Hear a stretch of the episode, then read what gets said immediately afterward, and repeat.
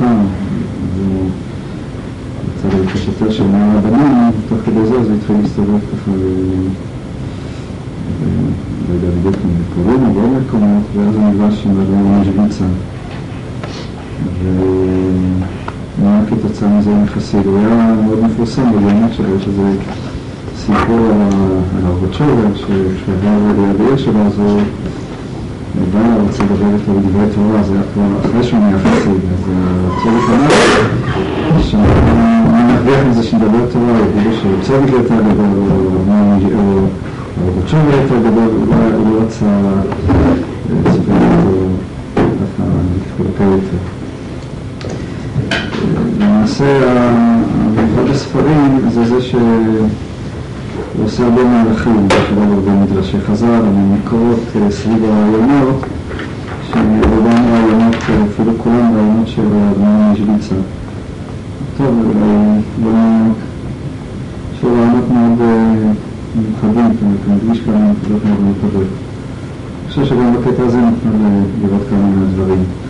הקטע למעשה קשור לפרשה הקודמת, הוא קשור לעשרת הדיברות, ובאחד המערכות אני חושב בשבוע הבא, שהוא מבין ללמוד קצת נושאים של פורים, הוא עסק הרבה בפורים, אפשר לומר שחצי מהספרים שלו זה פורים. זה סתם מעניין, למה כל כך הרבה עסק בזה, זה יכול להראות הגנה גם בדבר הזה, גם בנושאים של פורים. בית מיני השגות אלוקות יש. יש אם כן שני סוגים של השגות אלוקות, אחת כללית שהיא בשווה לכל ישראל, מצד שהם מאמינים בני מאמינים ורשם לעבוד יש אלוק הבורא ומשגיח ויכול וכו'.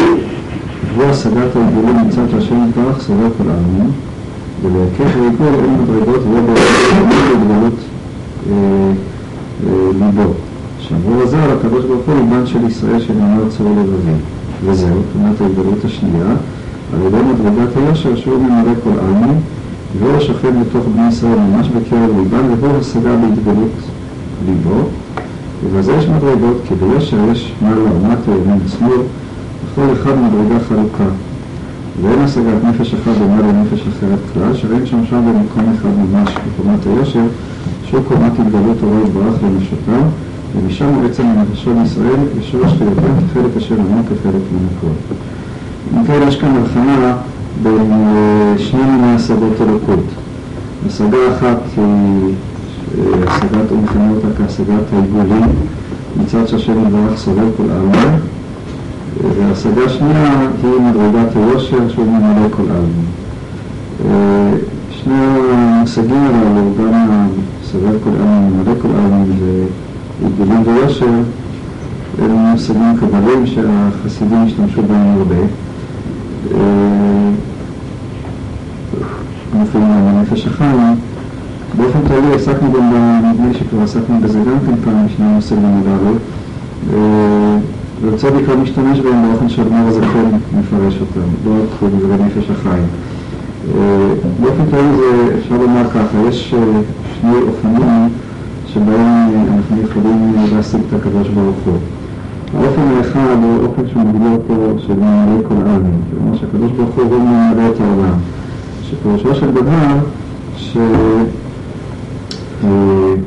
יכולים לתפוס את האלוקות מתוך העולם, מתוך, מתוך הכלים של העולם, כן? כמו האור שהוא ממלא, האור שנמצא בכלים. הדבר הזה מוגדר כמדרגת היושר. מדרגת היושר פירושה שכן, יש, המקור הזה הוא כבר מקבלת הארי הקדוש, שהרבה נמצאים בשני מצבים, עיגולים כפי שהוא מכנה את זה ויושר. לא, לא אכנס ממש לכל ה... לא כל הכוונים, שזה גם מי שעסק בעבודת הקודש, ולהגיד הרב מסביר את זה, אבל ההבדל לפחות בהסברה הזאת, שמדרגת היושר היא מדרגה שיש לה מעלה ומטה, כלומר, יש בה ברוב, יש בה היררכיה, היא, יש לה צורה, צורת אדם, ובעוד שמדרגת העיגולים, כפי שהוא מגדיר, זה מדרגה שכמו שהעיגול סובר את הכל בשווה, בהיקף העיגול אין מדרגות, ככה גם האורות של העיגולים אין בהם מדרגות. באופן כללי אפשר להגדיר את הדברים בצורה כזאת. אנחנו יכולים להשיג את ה... אפשר להגדיר את זה במונחים כתפיסה אימננטית של האלוקות מתוך העולם, ותפיסה מחוץ על העולם, טרנסצנדנטלית. התפיסה האימננטית זאת האלוקות כפי שאנחנו אה, מוצאים אותה אה, בתוך המציאות. אם זה ראשית הדתיות עצמה, קידום של הדת, התפיסה של האלוקים וכן הלאה וכן הלאה.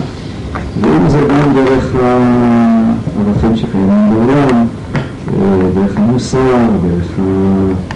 אה, כל, כל, כל דבר שדרכו, כל כלי שדרכו אפשר אדם יכול להגיע למוחלט, לאינסוף. זאת הבחינה של ממלא כל עלמין, שבאופן כללי בהגדרות האלו, פירושו של דבר, זה אור שנמצא בכלים, כלומר שאפשר להבין אותו, שיש לנו אה, אנחנו יכולים להגדיר אותו, יש לנו אה, הכרה בו. זו הבחינה של הממלא לפי הגדרת הללו. והבחינה הזאת של הממלא, גם יש בה דירוג, כן? יש בה דברים שהם יותר טובים, יש בה דברים שהם פחות טובים, יש בה דברים שהם יותר אלוקים, יש בה דברים שהם פחות אלוקים, יש טהור ויש טמא, יש מעלה ויש מטה וכן הלאה. זאת המדרגה שהיא מדרגת היושר. לעומת זאת מדרגת ההבדלים, המדרגה של סביבת העלמין, היא תפיסה של אלוקות טרנסצנדנטה, תפיסה שאפשר לומר, אם ננסח את זה במונחים יותר פשוטים, התפיסה של הממלא כל עלמין, היא תפיסה, בהגדרות של נפש החיים, איך האלוקות, איך אנחנו תופסים אותה מצידנו, מבחינתנו. הרי כל מה שאנחנו תופסים את הקדוש ברוך הוא, אנחנו לא יכולים לתפוס את הקדוש ברוך הוא מבחינת עצמו. אין לנו תפיסה אה, מהפרספקטיבה של העצמות האלוקית עצמה. כל הדברים, כל המונחים, כל המושגים שאנחנו מדברים עליהם ביחס לאלוקות, הם מושגים שהם מבחינתנו, כן? אה, אם מדברים לטוב על ערכים, אפילו מושגים כמו מלך, התפיסה הפרסונלית של הקדוש ברוך הוא שפונים אליו כאישיות וכן הלאה, אלה הכל תפיסות שהן הרגילים של האור האלוקי אה, איכשהו מתגלה לנו, מצידנו, מבחינתנו. הבחינה של הסובב פנים זה כאילו איך אנחנו תופסים אה, את מבחינתנו, איך זה מבחינתו. אבל מבחינת הקדוש ברוך הוא אפשר לדבר על הטוב ועל רע ועל מעלה ומטה, שהרי הוא ברא את הכל. מבחינת המוחלט, מבחינת האינסוף, אז אה, אין דירוג למציאות. הדרגה הזאת היא מוגדרת כדרגת ההשתרות. כלומר, כמו שהעיבור אה, סובב את הכל בשווה, אין לפניו גדול וקטן, כך, מבחינת האינסוף האלוקי, כל מה שקיים קיים. אתה לא יכול אה, לתת לזה איזשהו דירוג ולדבר כאן על אה, בחינות של טוב, של רע, של מעלה, של מטה, של ערכים וכו', משום ש... ש... שמפרספקטיבה האלוקית אי אפשר לדבר על ערך מוחלט, על דבר שקיים אה, שעוד לפני הקדוש ברוך הוא. הוא למעשה ברא את העולם. אבל למה הוא ברא את העולם באופן כזה ולא באופן אחר, מה קובע את הטוב ואת הרע, אין לזה משמעות מבחינת האלוקים. זאת אותה בחינה שמגדרת גם בכתבים החסינים של מידת ההשתלבות, שהכל שווה לגביו. אין כאן אה, איזו מידה של אינדיפרנטיות בכל מה שקיים בעולם. זה באופן כללי שתי הבחינות של הסובר כל העמים. שזה אותה הסתכלות שמסתכלת על הכל באופן שווה, כל מה שקיים קיים, והבחינה של הממלא לא קיים שהיא כבר האופן שבו אנחנו יכולים לתפוס ולהשיג את האלוקות. אה, כפי שאמרתי, הצד האמנותי והצד הטרנסצנדנטלי והארטי, נמצא בחוץ, הוא מקיף את הכל. אין לו איזושהי איזשהו יחס או או משהו כזה.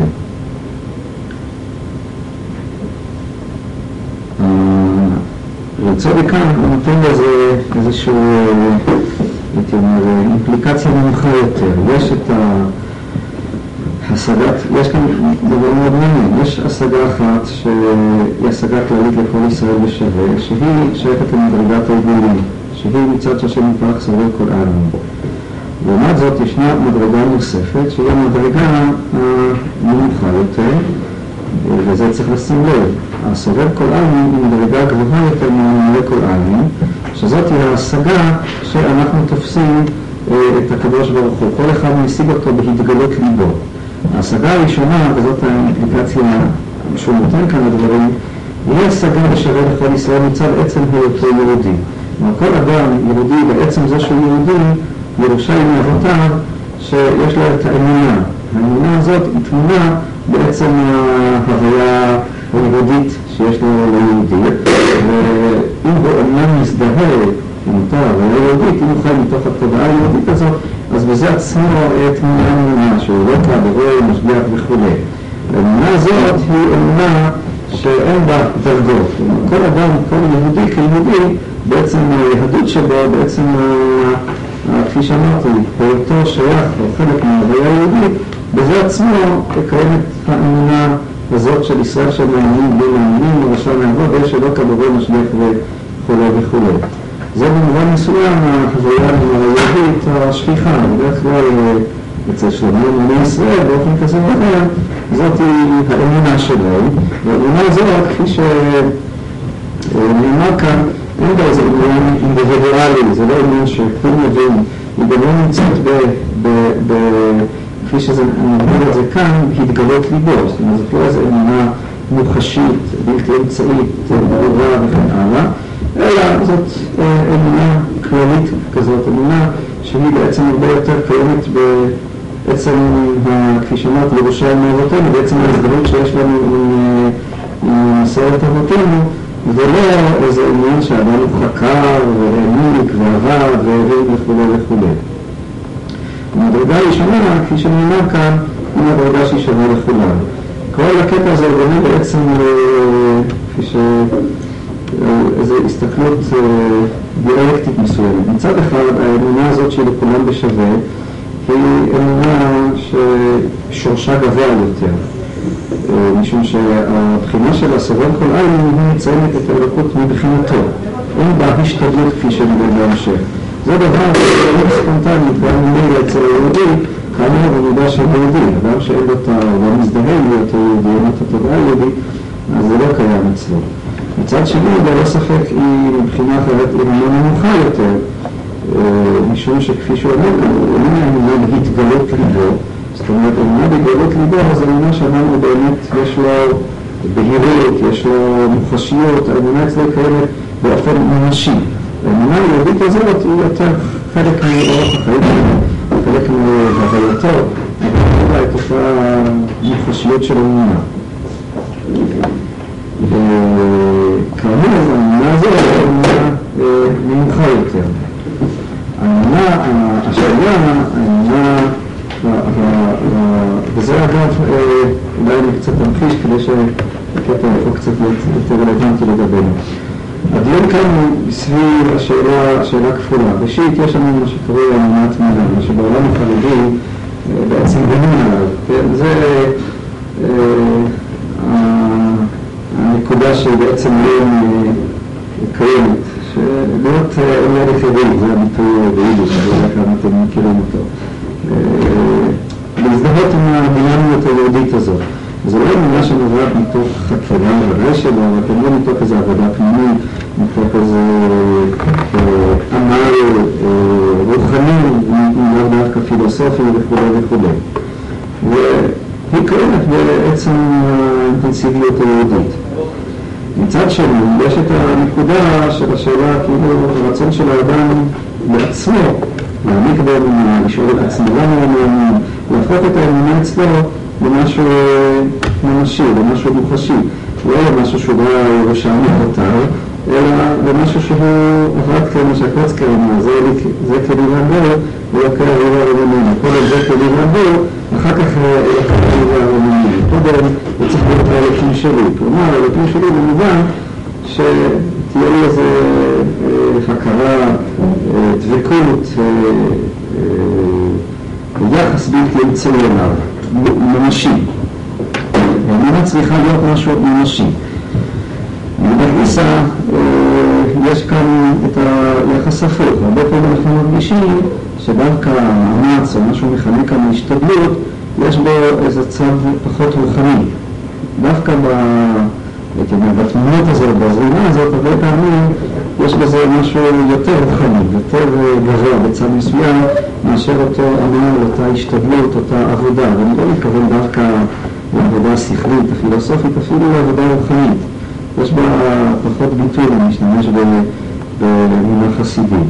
וסביב זה בנוי הקטע כאן. אולי נמשיך עוד בהמשך, אני חושב שזה קצת יתברר יותר. מכל מקום, ההבחנה היא יותר הבחנה בין האמונה שאדם הגיע לה, הגיע אליה כתוצאה מהעמל האישי שלו, שזאת אמונה שיש בה דירוג ויש בה הבדל בין בני אדם, לבין אמונה שהיא נובעת מעצם היותו יהודי, מעצם ההשתלפות היהודית שלו. זאת תהיה ההבחנה. זה כולם שווים? זה אומר שכולם שווים. גם במראה שיורשים לאבות אני חושב ששווים במובן הזה שזה לא... ההבדל הוא אולי במידת ההזדהות שיש לך עם היהדות. זאת אומרת, יש אנשים שהם יותר יהודים ויש אנשים שהם פחות יהודים. אבל זה לא נובע כתוצאה מהכרה אישית שלי, אלא זה נובע מתוך תודעה שאני מקבל כהיותי חלק מתודעה אחרת רחבה יותר מתודעה יהודית. זה כפי שאמרתי, במובן מסוים הזרימה העיקרית, ההוויה העיקרית שקיימת בעולם החרדי, מה שנקרא חרדי, בעולם החסידי זה פשיטה, אבל אפילו בעולם הליטאי. במובן מסוים תמיד אומר, מה שיוצא מסוים שעולם החרדים מנגח אותנו בדיוק בנקודה הזאת. הם מרגישים בעצם איזה צעד שאנחנו כאילו לא שייכים להוויה הזאת, לזרימה הזאת. אנחנו ככה בצד מסוים במונחים שלהם, כאילו מנוכרים לעניין, נמצאים בחוץ, כן?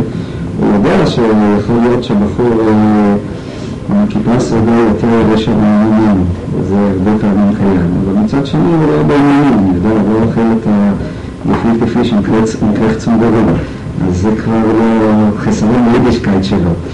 אבל יש בזה גם צד, לא רק צד חיצוני, תמיד הצד של הניכור לעבודה יהודית, וזה נובע מהסביבה של דברים מסוים, הירושה, האמונה שלנו ירושה מאבותינו, אצלנו היא לא כל כך פשוטה.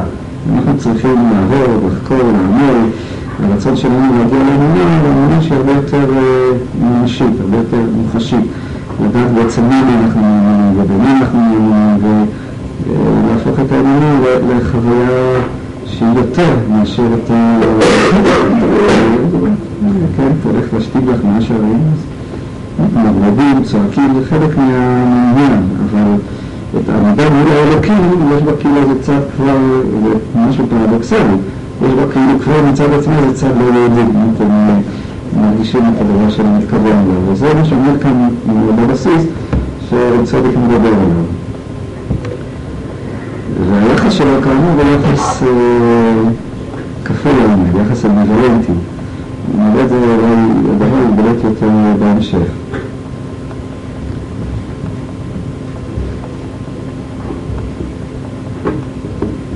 ולכל התורה כולה נאמר כמה פעמים אני השם אלוקיכם. זו השגה שבדרך כלל לכולכם משווק. כלומר, כל התורה נאמר כמה פעמים אני השם אלוקיכם, וזה, נאמר בפירוש שלו, זה השגה כללית, השם האלוקים של כולם. אבל בעשרת הדיברות פתח אנוכי השם אלוקיך. היינו לכל אחד בפרט כפי מה שהוא. ולכן דרשו כן בשופר טוב, והפסוק בך בחר השם אלוקיך ולא אלוקינו. ברצונו לומר לכל יחיד ויחיד. כן דווקא עשרת הדיברות, שזה השורש של התורה, השורש של התורה הוא כבר פנייה ליחיד. הוא אנוכי השם אלוקיכם, שבו האדם מוצא את האלוקים דרך הזיווי הלאומי שלו, אלא האדם מגלה את האלוקים דרך היחידיות שלו. זאת אומרת, אלוקים הוא אלוקים של כל יחיד ויחיד.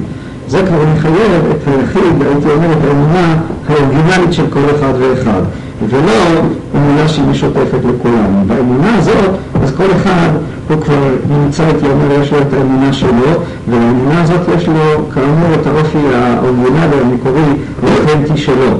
זה לפי השם אלוקיך וזה שורש התורה. זאת אומרת, זה כבר לא תורה שנובעת מתוך ההוויה היהודית הציבורית, היידישקייט הזה, אלא זה כבר עניין שהאדם בעצמו עובד על האמונה, חוקר, אמיר ומגלה כיחיד את המציאות האלוקית. והיינו, ויותר מזה, את זה אדם יכול לגלות רק כיחיד. ומי יכול לגלות את זה בהיותו חלק מציבור? משום שאת הקדוש ברוך הוא, במובן הזה, במישור הזה, האדם יכול למצוא בתוך עצמו, מתוך עצמו, בתוך הכנות שלו, בתוך האורגינליות שלו, בתוך ה... כשהוא מגיע לנקודות האינטימיות של המציאות שלו, אז הוא יכול למצוא את האלוקים, והאלוקים שהוא מוצא במובן הזה שעליו אנחנו מדברים, זה מוכר שם אלוקיך, לשם יחיד, דווקא באותה יחידיות, הוא מגלה את זה דווקא בבדידות שלו, ולא בציבוריות היהודית. כן, זה שייך להמון דברים, כלומר, בצד מסוים אני יכול להגדיר את זה כהבדל בין מרכזנית בצד אחד, מה שרוצה לקרוא כאן. המרכזנית, אני מדבר על השיטה ועל האנשים הפרטיים, הם מוצאים את האלוקים בתוך הציבוריות. בתוך המקרה הזה, אצלם הציבוריות אינה הציבוריות נאמר היהודית, במובן שהצגת אותה מקודם, הערך הריב, אלא בציבוריות הישראלית, ועם ישראל וכו' וכו'. בתוך ההזדהות הזאת עם עם ישראל, עם ההיסטוריה של עם ישראל, עם התורה שנתת לעם ישראל וכו'. כאן מדובר על אופן שונה לחלוטין, שאיננו נובע מתוך ההזדהות עם עם ישראל, אלא הוא באמת, זה משהו שמזכיר קטגוריות ממנו הרבה יותר מודרניות, אקסיסטנציאליסטיות של היחיד שמגלה ביחידיות שלו, בבדידות שלו, אם אתם קראתי את איש העניין הבודד של הרב סולובייצ'יק וכן הלאה, והוא מבחין כמה חותכת, הבחנה שהיא בצד מסוים אנטי-מרכזניקית, בין מי שהעניין בודד, שמעצם הגדרתו הוא בודד ואיננו יכול שלא להיות בודד, לבין איש ההמון והאדם, כבר לא זוכר איך מכנה אותו, וכו' וכו'. זאת אומרת, בצד מסוים האדם מגלה את הקדוש ברוך הוא דווקא ברמת הבדידות. מה אני מתכוון לומר? יש איזה... בתודעה הציבורית הזאת יש איזה כאילו איזה צד מנוכר כזה, איזה צד מוחצן כזה. והאדם ששואף לאמת הפנימית שלו הוא אדם שמאוד נרתע, יש לו איזו רתיעה טבעית ראשונית בפני ציבוריות, כל סוג של ציבוריות שלי. והוא מרגיש שזה ניגוד בין הרוחני לבין הציבורי. ציבורי אצלנו מזדהה כרמני. וכאמור, הוא יכול לגלות הקדוש ברוך הוא רק כשהוא בעצם נמצא לבד לבד עם עצמו. כשהוא נמצא לבד לבד עם עצמו, אז הוא נמצא גם עם האמת שלו, ואז הוא גם מגלה את המופיע של אלוקיך. בעוד שבתוך ההוויה הציבורית, אז הוא מרגיש, לא, לא מוצא את אותו אלוקים. אני לא אומר שהאופציה השנייה איננה קיימת. היא ודאי קיימת בין אם זה, כפי שתיארתי קודם, בסגנון החרדי, וגם אם זה בסגנון המרכזניקי וכן הלאה, של ההזדהות עם עם ישראל, עם ההיסטוריה של עם ישראל וכו' וכו'. מכל מקום, מה שהוא אומר כאן, הוא מגדיר את זה כשורש של התורה, זה המחיה של אלוקיך, כשזה כאמור מוצר, אלוקיך, רצונו לומר לכל יחיד ויחיד. למה והיינו? כי מצוות התורה גם כן ידוע שהם בקומת אדם נגד רמ"ח איברים ושיסה נידים. זאת אומרת, זה אותו דבר שידוע בקבלה, שמצוות התורה קודש שסה ורמ"ח, וזה כנגד קומת האדם. בתפיסה הקבלית הדבר הזה הוא, יש את האדם כנגד הצורה הרוחנית של הבריאה, והמצוות הן מכוונות כנגד האיברים של אותו אדם עליון.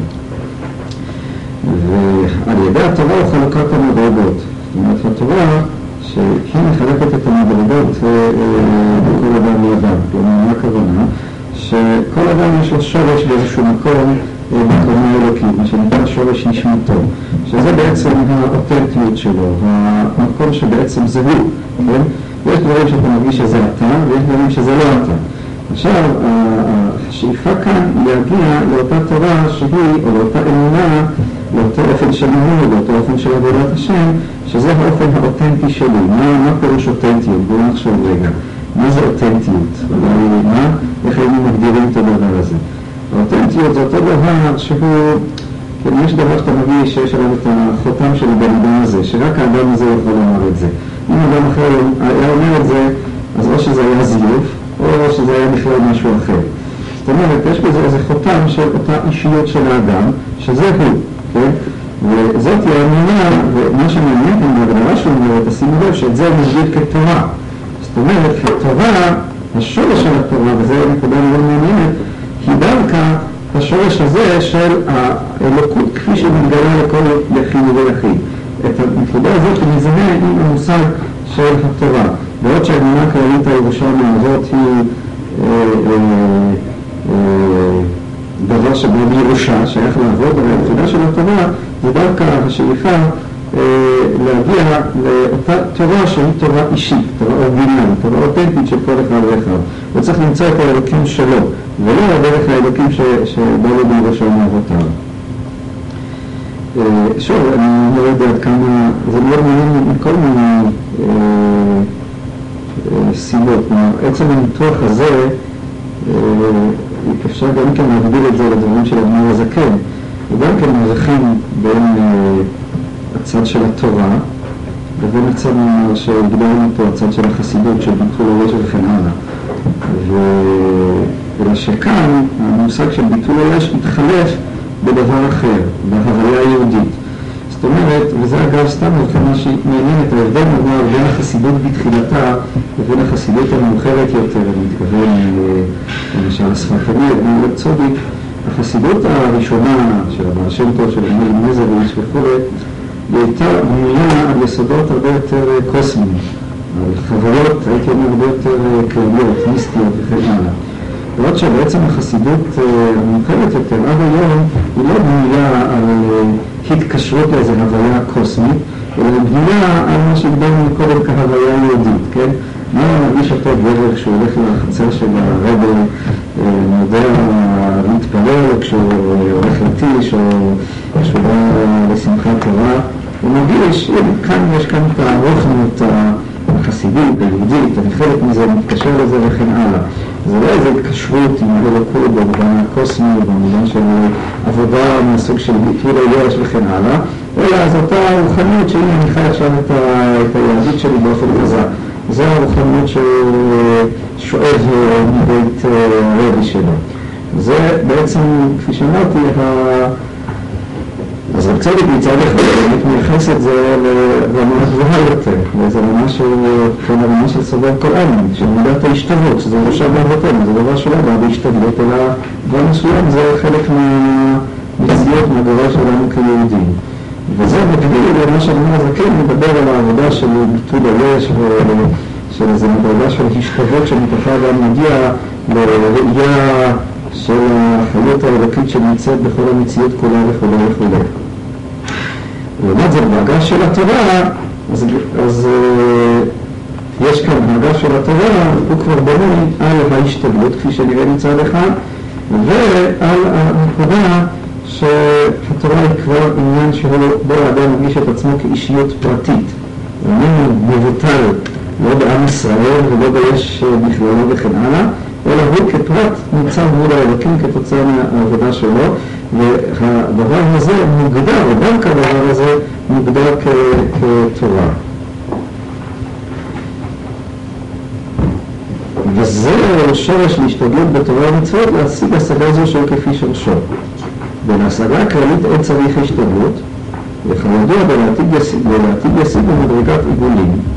ואמרו שלא יצטרכו השתדלות כמדרגת אור מקיף, דהיינו שהשם יתברך מקיף מבחוץ לקומת האדם רבנו מסיפה ועבודתו, והשתדלותו השם יתברך מקיפו. אם כן, זאת נקודה נוספת, שהיא הנקודה של ההשתדלות, או של העבודה, שגם בה היא נושא או סוגיה די חשובה בחסידות. מה הכוונה?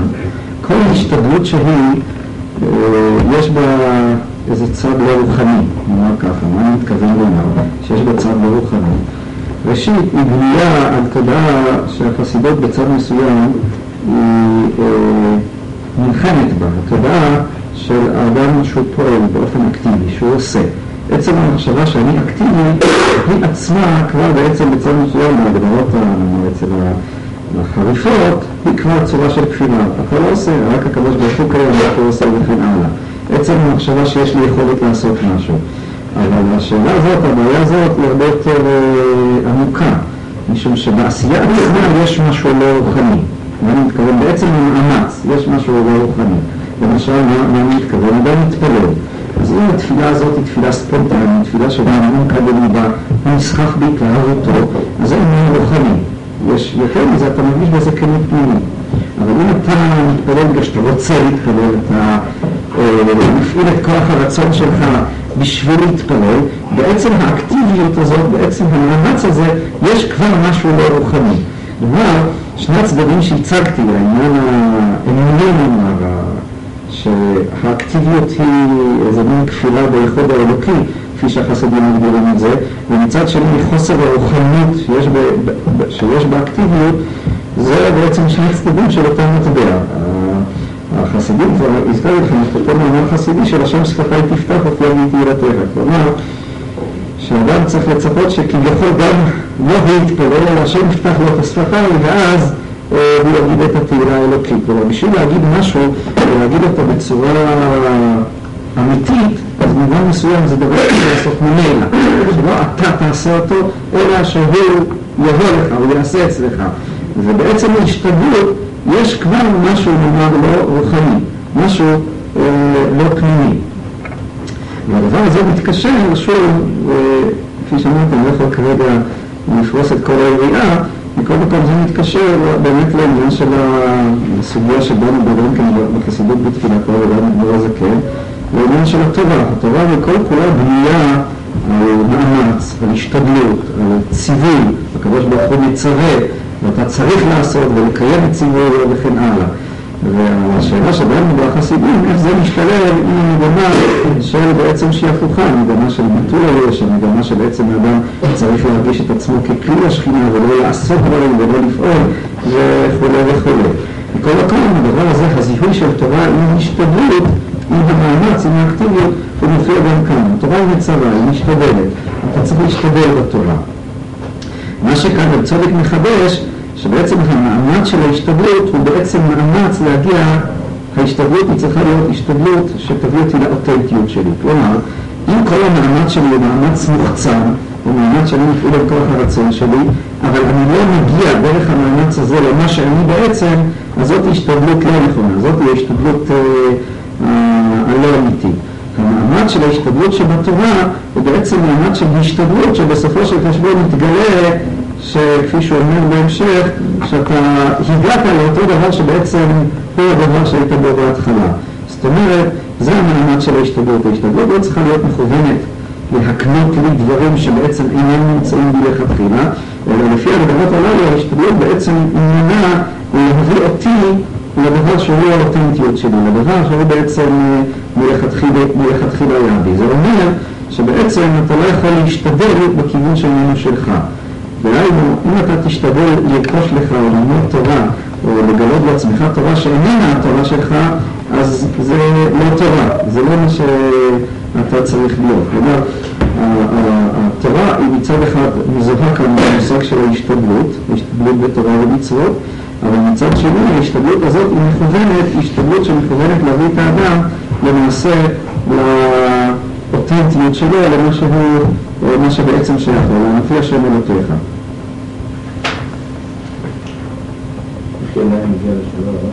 מה אתה אומר? איך הוא יודע אם מגיע לשלום או לא?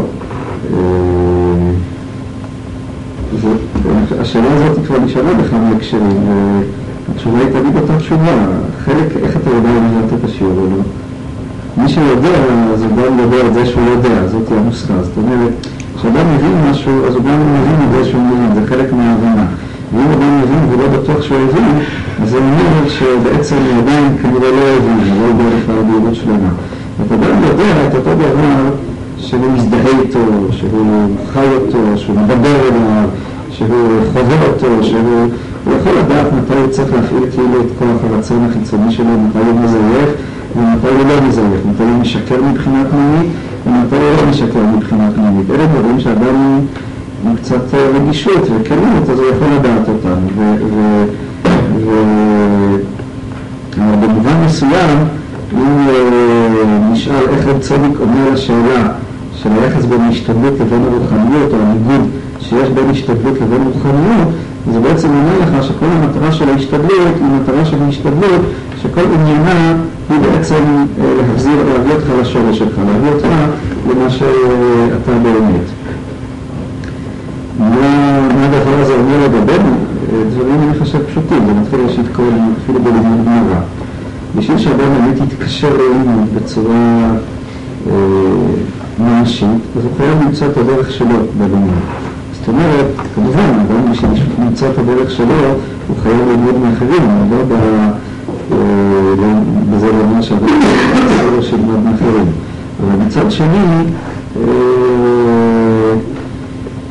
צריך למצוא את האופן שבו הוא היה רוצה ללמוד, את האופן שבו הוא מרגיש שהוא צריך ללמוד. כמובן, הדבר הזה מחייב בניסיון, אם אדם ללמוד על דברי תורה אלא כן נכשל בהם תחילה, זאת אומרת, זה לא הולך ישר מההתחלה וכולי וכולי, אבל מצד שני, אסור לאדם להרגיש שהוא רק מחכה אחרים. הוא צריך תמיד לשאול את עצמו מתי באמת זה, זה האופן שבו אני מרגיש שזה בחינה של תורתי, שזו התורה שהיא התורה שאומנם היא התורה שלי. וזה אומר בעצם לכל דבר, זה אומר בנושאים של אמונה, זה אומר בנושאים של...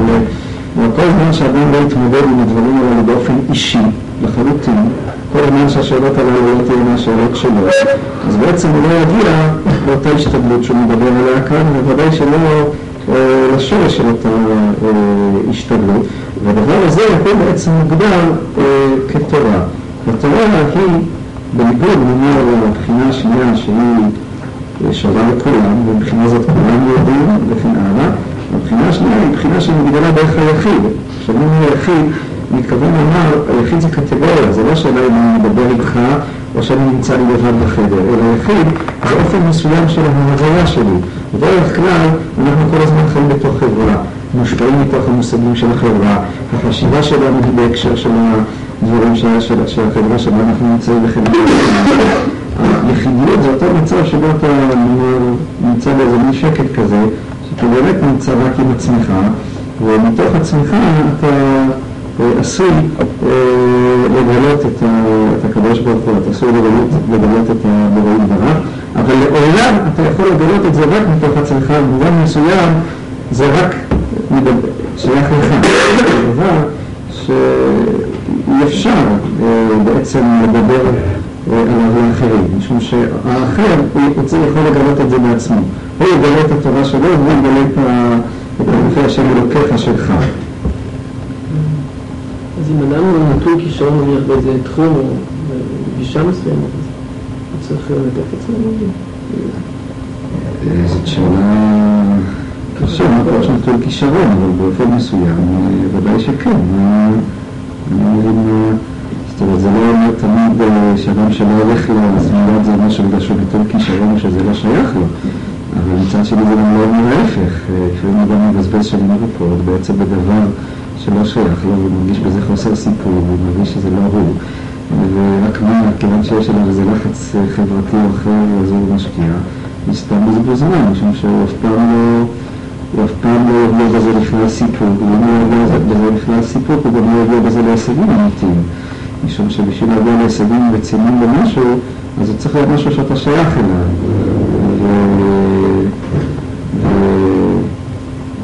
נלחם בדרך כלל, שאמר רבנו בקי בחובת הלבבות, השאלה של הכישרון היא הפונקציה של הרצון, זאת אומרת, יש כאן עניין שאדם בדרך כלל גם רוצה את אותו דבר שמתאים לו, אלא אם כן הרצון זה לא רצון שלו, אלא רצון ש...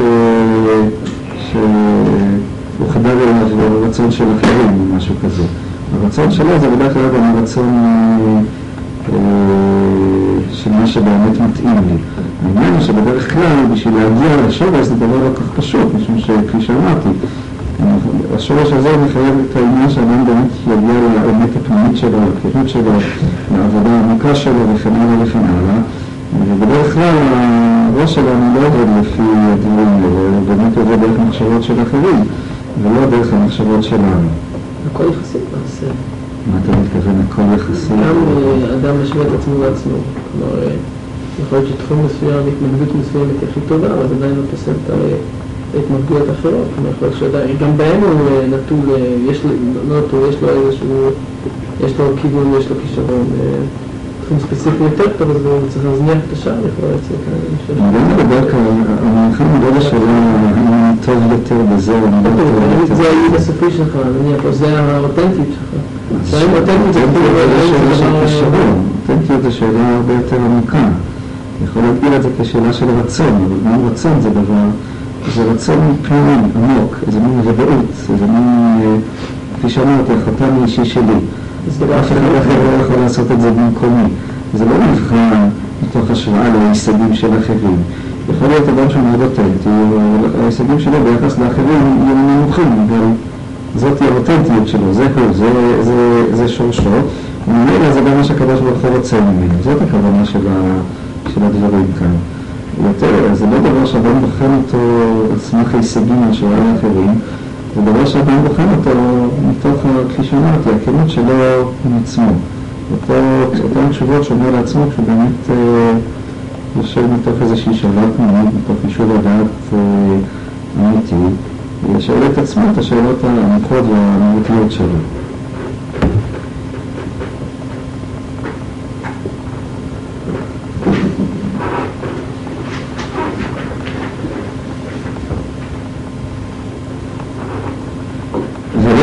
בלשון ציווי, כלומר, אנוכי השם אלוקיך, רק דרך הודעה אנוכי השם, וכל דיבור הפועל כאלה פועל מיעד.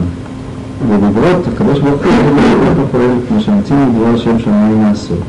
אם כן אנוכי השם אלוקיך, יש פה דבר מחלוקת, אבל הוא אומר שזה דרך הודעה, והכוונה היא שהדיבור האלוקי הוא מציאות. כמו שהפירוש שעסקנו בו בזמנו לדבר השם שמיים לעשות, כך גם הדבר של אנוכי השם אלוקיך הוא מציאות, הוא איננו מצווה, אלא הוא מציאות. ועל ידי דיבור הזה, ואנוכי הוא הערת אור זה, ונבל בפרט לפי חלקו.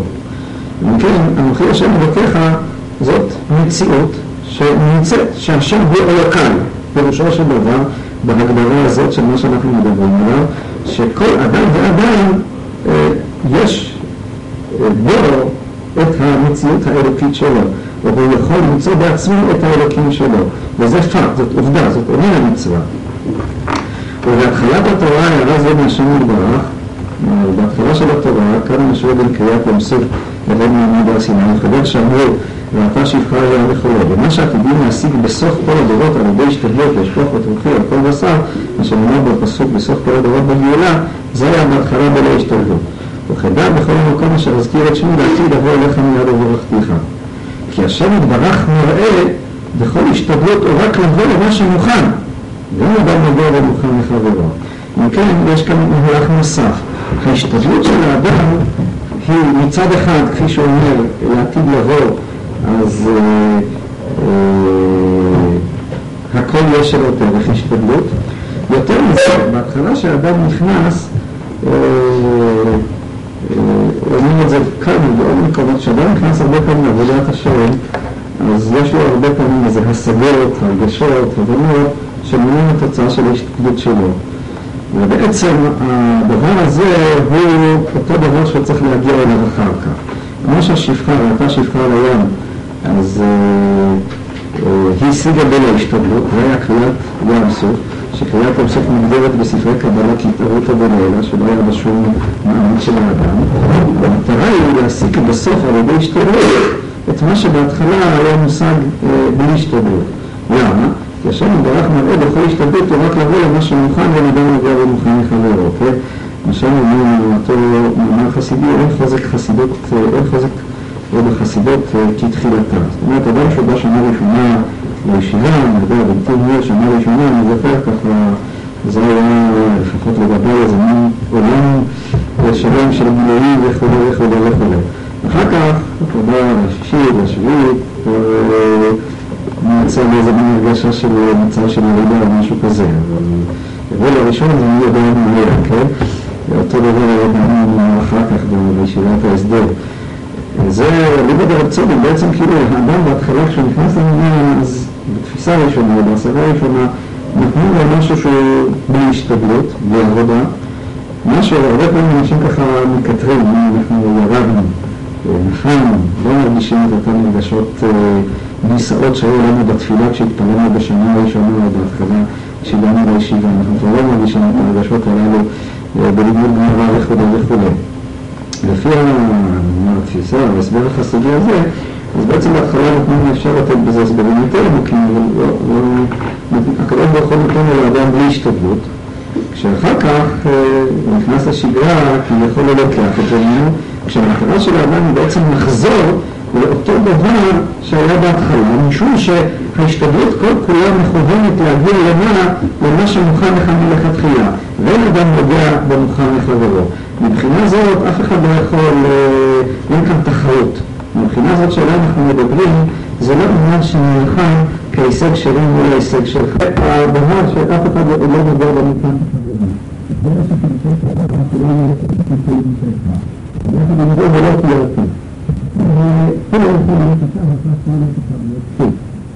לחברו.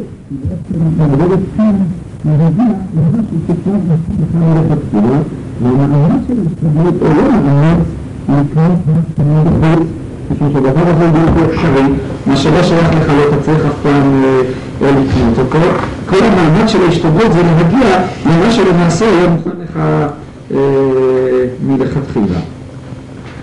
כמובן, כפי שאמרתי מקודם, הדבר הזה הוא בעל השלכות מרובות, משום שאחת הטעויות שאנחנו עושים, שאנחנו משתדלים לא בכיוון שלנו. זה הרבה פעמים, זה גם לא בדיחה מפורסמת על האדם שאיבד משהו ומחפש את זה תחת הפנס, בגלל שיש אור. זאת אומרת, הרבה פעמים אנחנו משקיעים, משקיעים מאמצים עצומים, מאמצים אדירים, בדבר שהוא בעצם לא שייך לנו, ואף פעם לא חשבנו אם באמת זה מה שהקדוש ברוך הוא רוצה מאיתנו, אם זה ההשתדלות ההשתדלות הנכונה לגבינו. ההשתדלות כאן, כפי שאמרתי, יש בה צד לא רוחני. מה שהופך אותה לרוחנית זאת העובדה שכל המאמץ של ההשתדלות איננו מאמץ אלא להגיע למה שמוכן לך מלכתחילה, להגיע לאותו דבר שהוא שלך, שהוא המקוריות שלך, שהוא האורגינליות שלך, וזה כאמור מוגדר כהשתדלות של, של התורה. היחידיות הזאת היא המוגדרת כאן כתורה, כעשרת הדיברות וכו'. וכאן הוא מכניס עוד עניין נוסף, שהוא כבר מתקשר יותר לפורים ולנושא של פורים. חטאם, ואני מקווה שהדברים ברורים. מי שרוצה להעיר, בבקשה. יש כאן תיאור הרבה יותר עמוק, אני מרגיש על אותו מתח שאדם מצד אחד מתח, אם נציג את זה על הרקע היהודי, מצד אחד הוא מרגיש כשייך כהיותו חלק מהיהדות, כהיותו חלק מהישיבה, כהיותו חלק מהציבור, וזה יוצר הוויה רוחנית מסוימת, ללא ספק. מצד שני, לבין הצורך, החובה, המצווה, שלו לעמוד על עצמו. ולעמוד על עצמו זה דבר שהוא רק שלו, כן? יהיה לך לבדך לזרי מימיתך. זה בעצם, אני חושב, המתח שבצד מסוים כולנו הרבה פעמים, אנשים שמרגישים בתחום הזה, מרגישים את הדבר הזה. וזה צד אחד של הדברים. הצד השני באמת ההתמודדות עם בעיית ההשתדלות, כפי שהוא מגדיר אותה כאן. העניין הזה של האקטיביות, של ההשתדלות. כשתפיסה חסידית אומרת שבעצם ההשתדלות, כפי שאמרתי, יש משהו לא רוחני. ומה שכאן הופך את ההשתדלות להשתדלות רוחנית זאת העובדה שבסופו של חשבון ההשתדלות הזאת איננה השתדלות כדי לרכוש משהו שאיננו שייך לך, אלא כל המאמץ כאן מכוון להגיע למעלה למה שבעצם מלכתחילה זה אתה. בבקשה.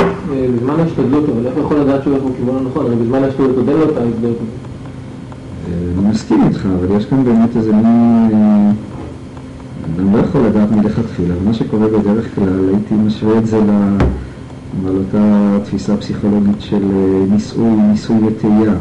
זאת אומרת, אתה מנסה, אתה רואה שזה לא הולך, אתה מזייף, זה לא התחום שלך, אתה מרגיש חוסר סיפוק, אתה שואל את עצמך מה לא בסדר, מנסה איכשהו לתקן את, ה... את, ה... הדרך, לראות פעם זה איך אתה מתפלל, כן?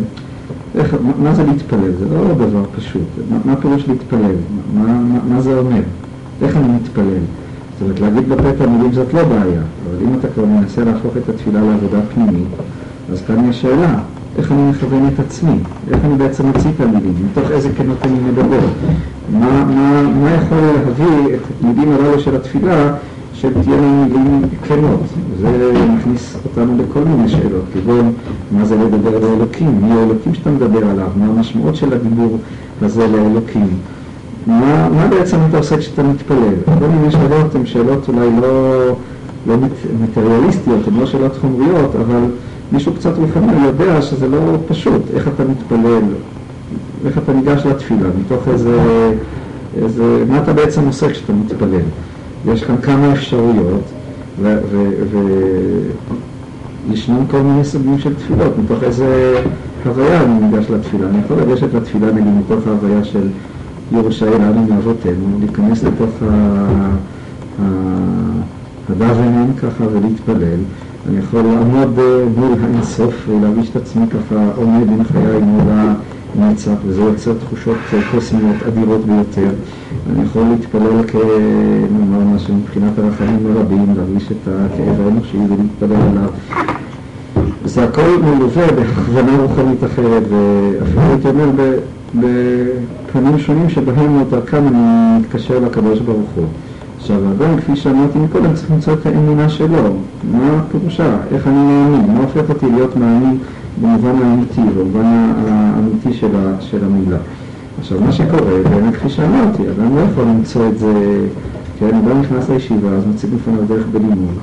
כל זמן שהוא לא ישתפשף בה, אז הוא לא יכול לדעת אה, אם זה שלו או לא שלו. ייתכן בהתחלה שזה מאוד יקסום לו, ואחרי כמה זמן כשהוא ישתלט על העניין, יראה שזה לא דבר שקוסם לו, שיש בזה צד מאכזב, צד חסר סיפוק, הוא מחפש משהו אחר, משהו דרך שלו וכן הלאה. אז אה, כפי שאמרתי, זה לא דבר שאדם יכול ישר מלכתחילה ללכת ו... ולקפוץ לעניין הזה. ודאי שלא. מצד שני, יש כאן עניין של... אה, המבחן בסופו של חשבון הוא מבחן של אין אדם לומד אל המקום של ליבו חפץ. כלומר, המבחן הוא המבחן של הלב. אדם יכול לדעת במה נותן לו בסגנון, במונחים החסידים, מה נותן לו חיות, מה נותן לו סיפוק, מה גורם לו התלהבות, מה מביא אותו לדבקות בקדוש ברוך הוא, מה מוציא אותו מהאדישות וכן הלאה וכן הלאה. יש שיעורים שמדברים עליו, יש שיעורים שלא מדברים עליו, יש שיעורים שמחיים אותו ויש שיעורים שמשאירים אותו יבש וכן הלאה. הדבר הזה, אם באמת, אה, וזה מבחן, זאת אומרת, אה, אני לא אומר שזה מבחן אה, טוטאלי ושאי אפשר לטעות ושאדם לא יכול לרמות את עצמו, ברור שכל האפשרויות הללו קיימות, אבל יחד עם זה זה מבחן, זה מבחן לגיטימי ולא כשהוא לגיטימי אלא שהוא קובע הרבה. זאת אומרת, בסופו של חשבון, השאלה מה הלב שלי אומר לי, מה אני מתחייב ומה אני מרגיש קרבת השם, היא מבחן, היא מבחן רציני, ואולי עיקרי, בסופו של חשבון, אם האדם רוצה לדעת מה בעצם הדרך שלו אה, להתקשר לרוחניות, להתקשר לתורה, אה, להתקשר לקדוש ברוך הוא. רוצים, עוד מישהו רוצה להעיר או מה? בבקשה. יש אולי איזה סתירה לפעמים בין שני המעגלים האלה, כלומר לפעמים אדם יודע שאם הוא הולך עם עצמו עד הסוף יש איזה משהו ש... כלומר, אם הוא רוצה להתחשב במה שבאמת אולי העולם צריך, או דברים כאלה, הוא פוגע במה ש... מה שהוא הולך עם עצמו עד הסוף. אבל אפשר להציג את זה מעט בקיצוניות, יש עם ההליכה עם עצמי עד הסוף איזה משהו אגואיסטי, אז אם זה, אם זה לא פוגע אלא דווקא נותן, אז אה, אין פסול בזה, אולי אפילו משהו חיובי. אבל אנחנו מכירים בעצם אה, כל מיני התלבטויות שלנו, שאנחנו יודעים שיש איזה דברים חשובים, שאנחנו יודעים שצריך, אף על פי כן אנחנו יודעים, ואנחנו אולי אפילו יודעים שאם לא אנחנו, אז לא יהיה מי שיעשה אותם. אף על פי כן אנחנו יודעים שבזה אנחנו הרבה פעמים מוכרים הרבה ממה ש... מוותרים על הרבה ממה שאנחנו יכולים אה, בדרך הזאת שהוא מציע פה. בסדר, אני מסכים שקיימת בעיה כזאת, אבל אני לא חושב שיש לה פתרון אחד. זאת אומרת, יש מקומות שבהם אדם צריך לוותר, למסור את נפשו, כפי שהחסידים דרשו קיבשו אותו, למסור את הנפש שלו. ושחתיכה מהנכס שלו הולכת, ולפעמים לא. יש את הסיפור על התיש הקדוש של הרבי מקוסק, שהוא התכוון להמחיש את זה. היה תיש קדוש וטוב לב, שהיו לו קרניים יפות וגבוהות. ופעם אחת עלה בליבו של איזה יהודי, ראה את הקרניים היפות של התיש, שזה לא טוב, נפתור חתיכה קטנה, מה יקרה? נעשה לנו קופסת תעמיק לשבת, מה יקרה לתיש? הרי יש לו קרניים גדולות ויפות גם בלי החתיכה הזאת. אז הוא ביקש מהתיש שייתן לו חתיכה מהקרן שלו, והתיש היה כאמור תיש קדוש ומגיל לב, אז הוא כופף את ראשו ונתן לו חתיכה מהקרן. ראה החבר של אותו יהודי כי טוב, למה שלא לא יהיה גם כן קופסת תעמיק לשבת, אז הוא גם כן ביקש מהתיש חתיכה מהקרן, ובסוף התיש נשאר בלי קרניים, וליהודים היה קופסות תעמיק לשבת. זה הסיפור של הרבי מקוצק. זאת אומרת, יש איזה סוג של, יש דברים שאדם אסור לו לוותר על עצמו, גם שהן תביעות אידיאליסטיות במובן שאתה מדבר עליו, משום שזה לא בטוח שהאידיאליזם היותר גדול ממנו זה שאותו אדם מתמסר לעצמו. ואתה מציג את זה כעניין אגואיסטי, זה לא בהכרח עניין אגואיסטי, בכלל לא בטוח שזה עניין אגואיסטי, כן? אמר שהנפש או הנשמה של אותו בן אדם היא פחות חשובה מכל המשימות הגדולות, הקריאה לדגל וכולי, כן, דברים לא פשוטים כל כך. אני לא, אני לא אומר שהאחראי תמיד לכיוון אחד, אבל אני גם לא אומר ש... שהאחראי תמיד צריכה להיות לכיוון השני. אלא הם מסוג הבעיות שאי אפשר לפתור אותם באופן תיאורטי. אבל ברור לחלוטין שיש דברים, וזאת נקודה מאוד חשובה, שאני חושב שאדם צריך להגן עליו מכל משמע, זה לא לאבד את עצמו לדעת. כלומר, אם האדם לא שומר על הגרעין הפנימי שלו, הוא הופך להיות רק איזה מין טייפ ריקורדר כזה, איזה מין מכונה כזאת, מאבד את עצמו, אז, אז זה לא קיים. אז הדבר הזה הוא ללא ספק מה שהוא מדגיש כאן. כלומר, שצריך מאוד, ההשתדלות היא צריכה להיות מכוונת לזה שאדם יגיע ל, ל, למה שמוכן לעשות ואין אדם מגיע ומוכן לחברו.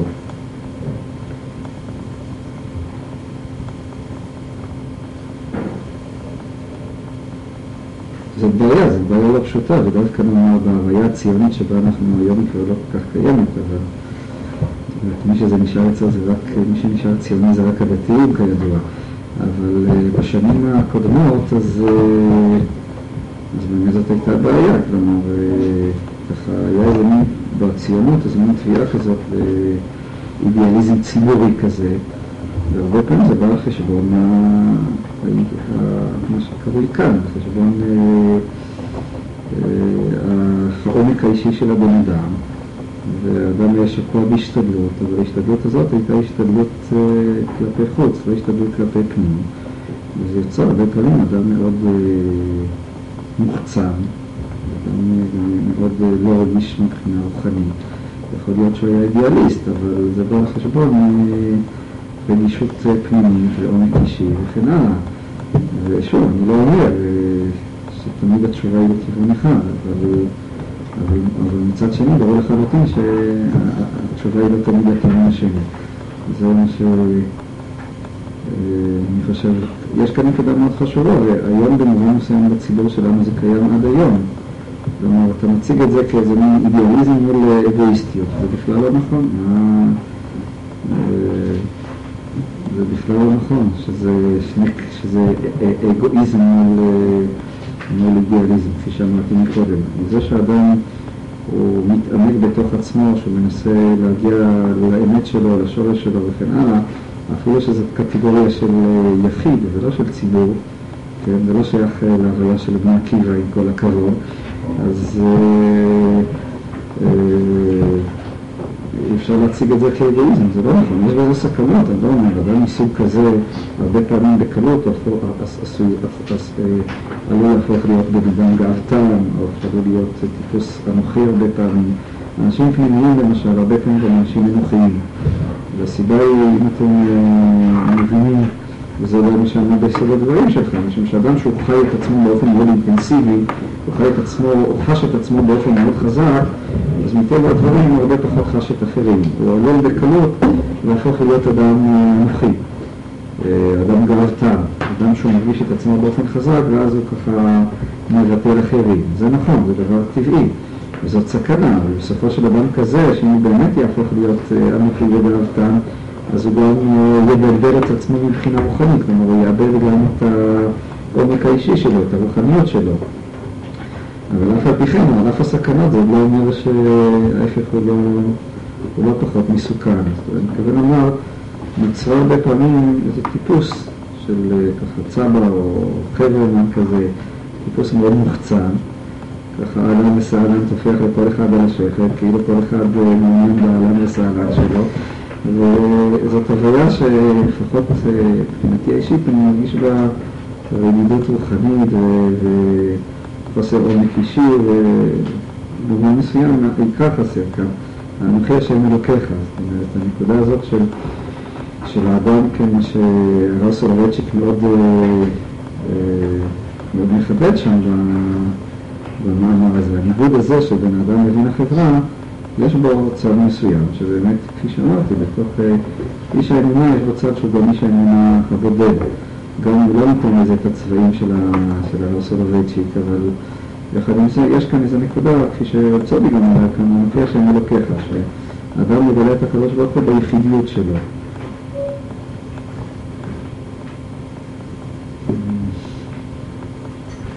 לא יודע אם מספיק... אה,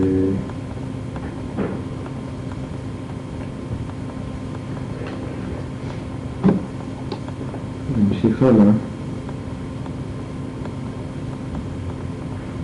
טוב, אולי את הרעיון הבא אולי נלמד בהקשר אחר, בהקשר של פורים, אם יצא לנו. מכל מקום, טוב, אני מקווה שפחות או יותר הצלחתי איכשהו אה, להרגיע את הדברים.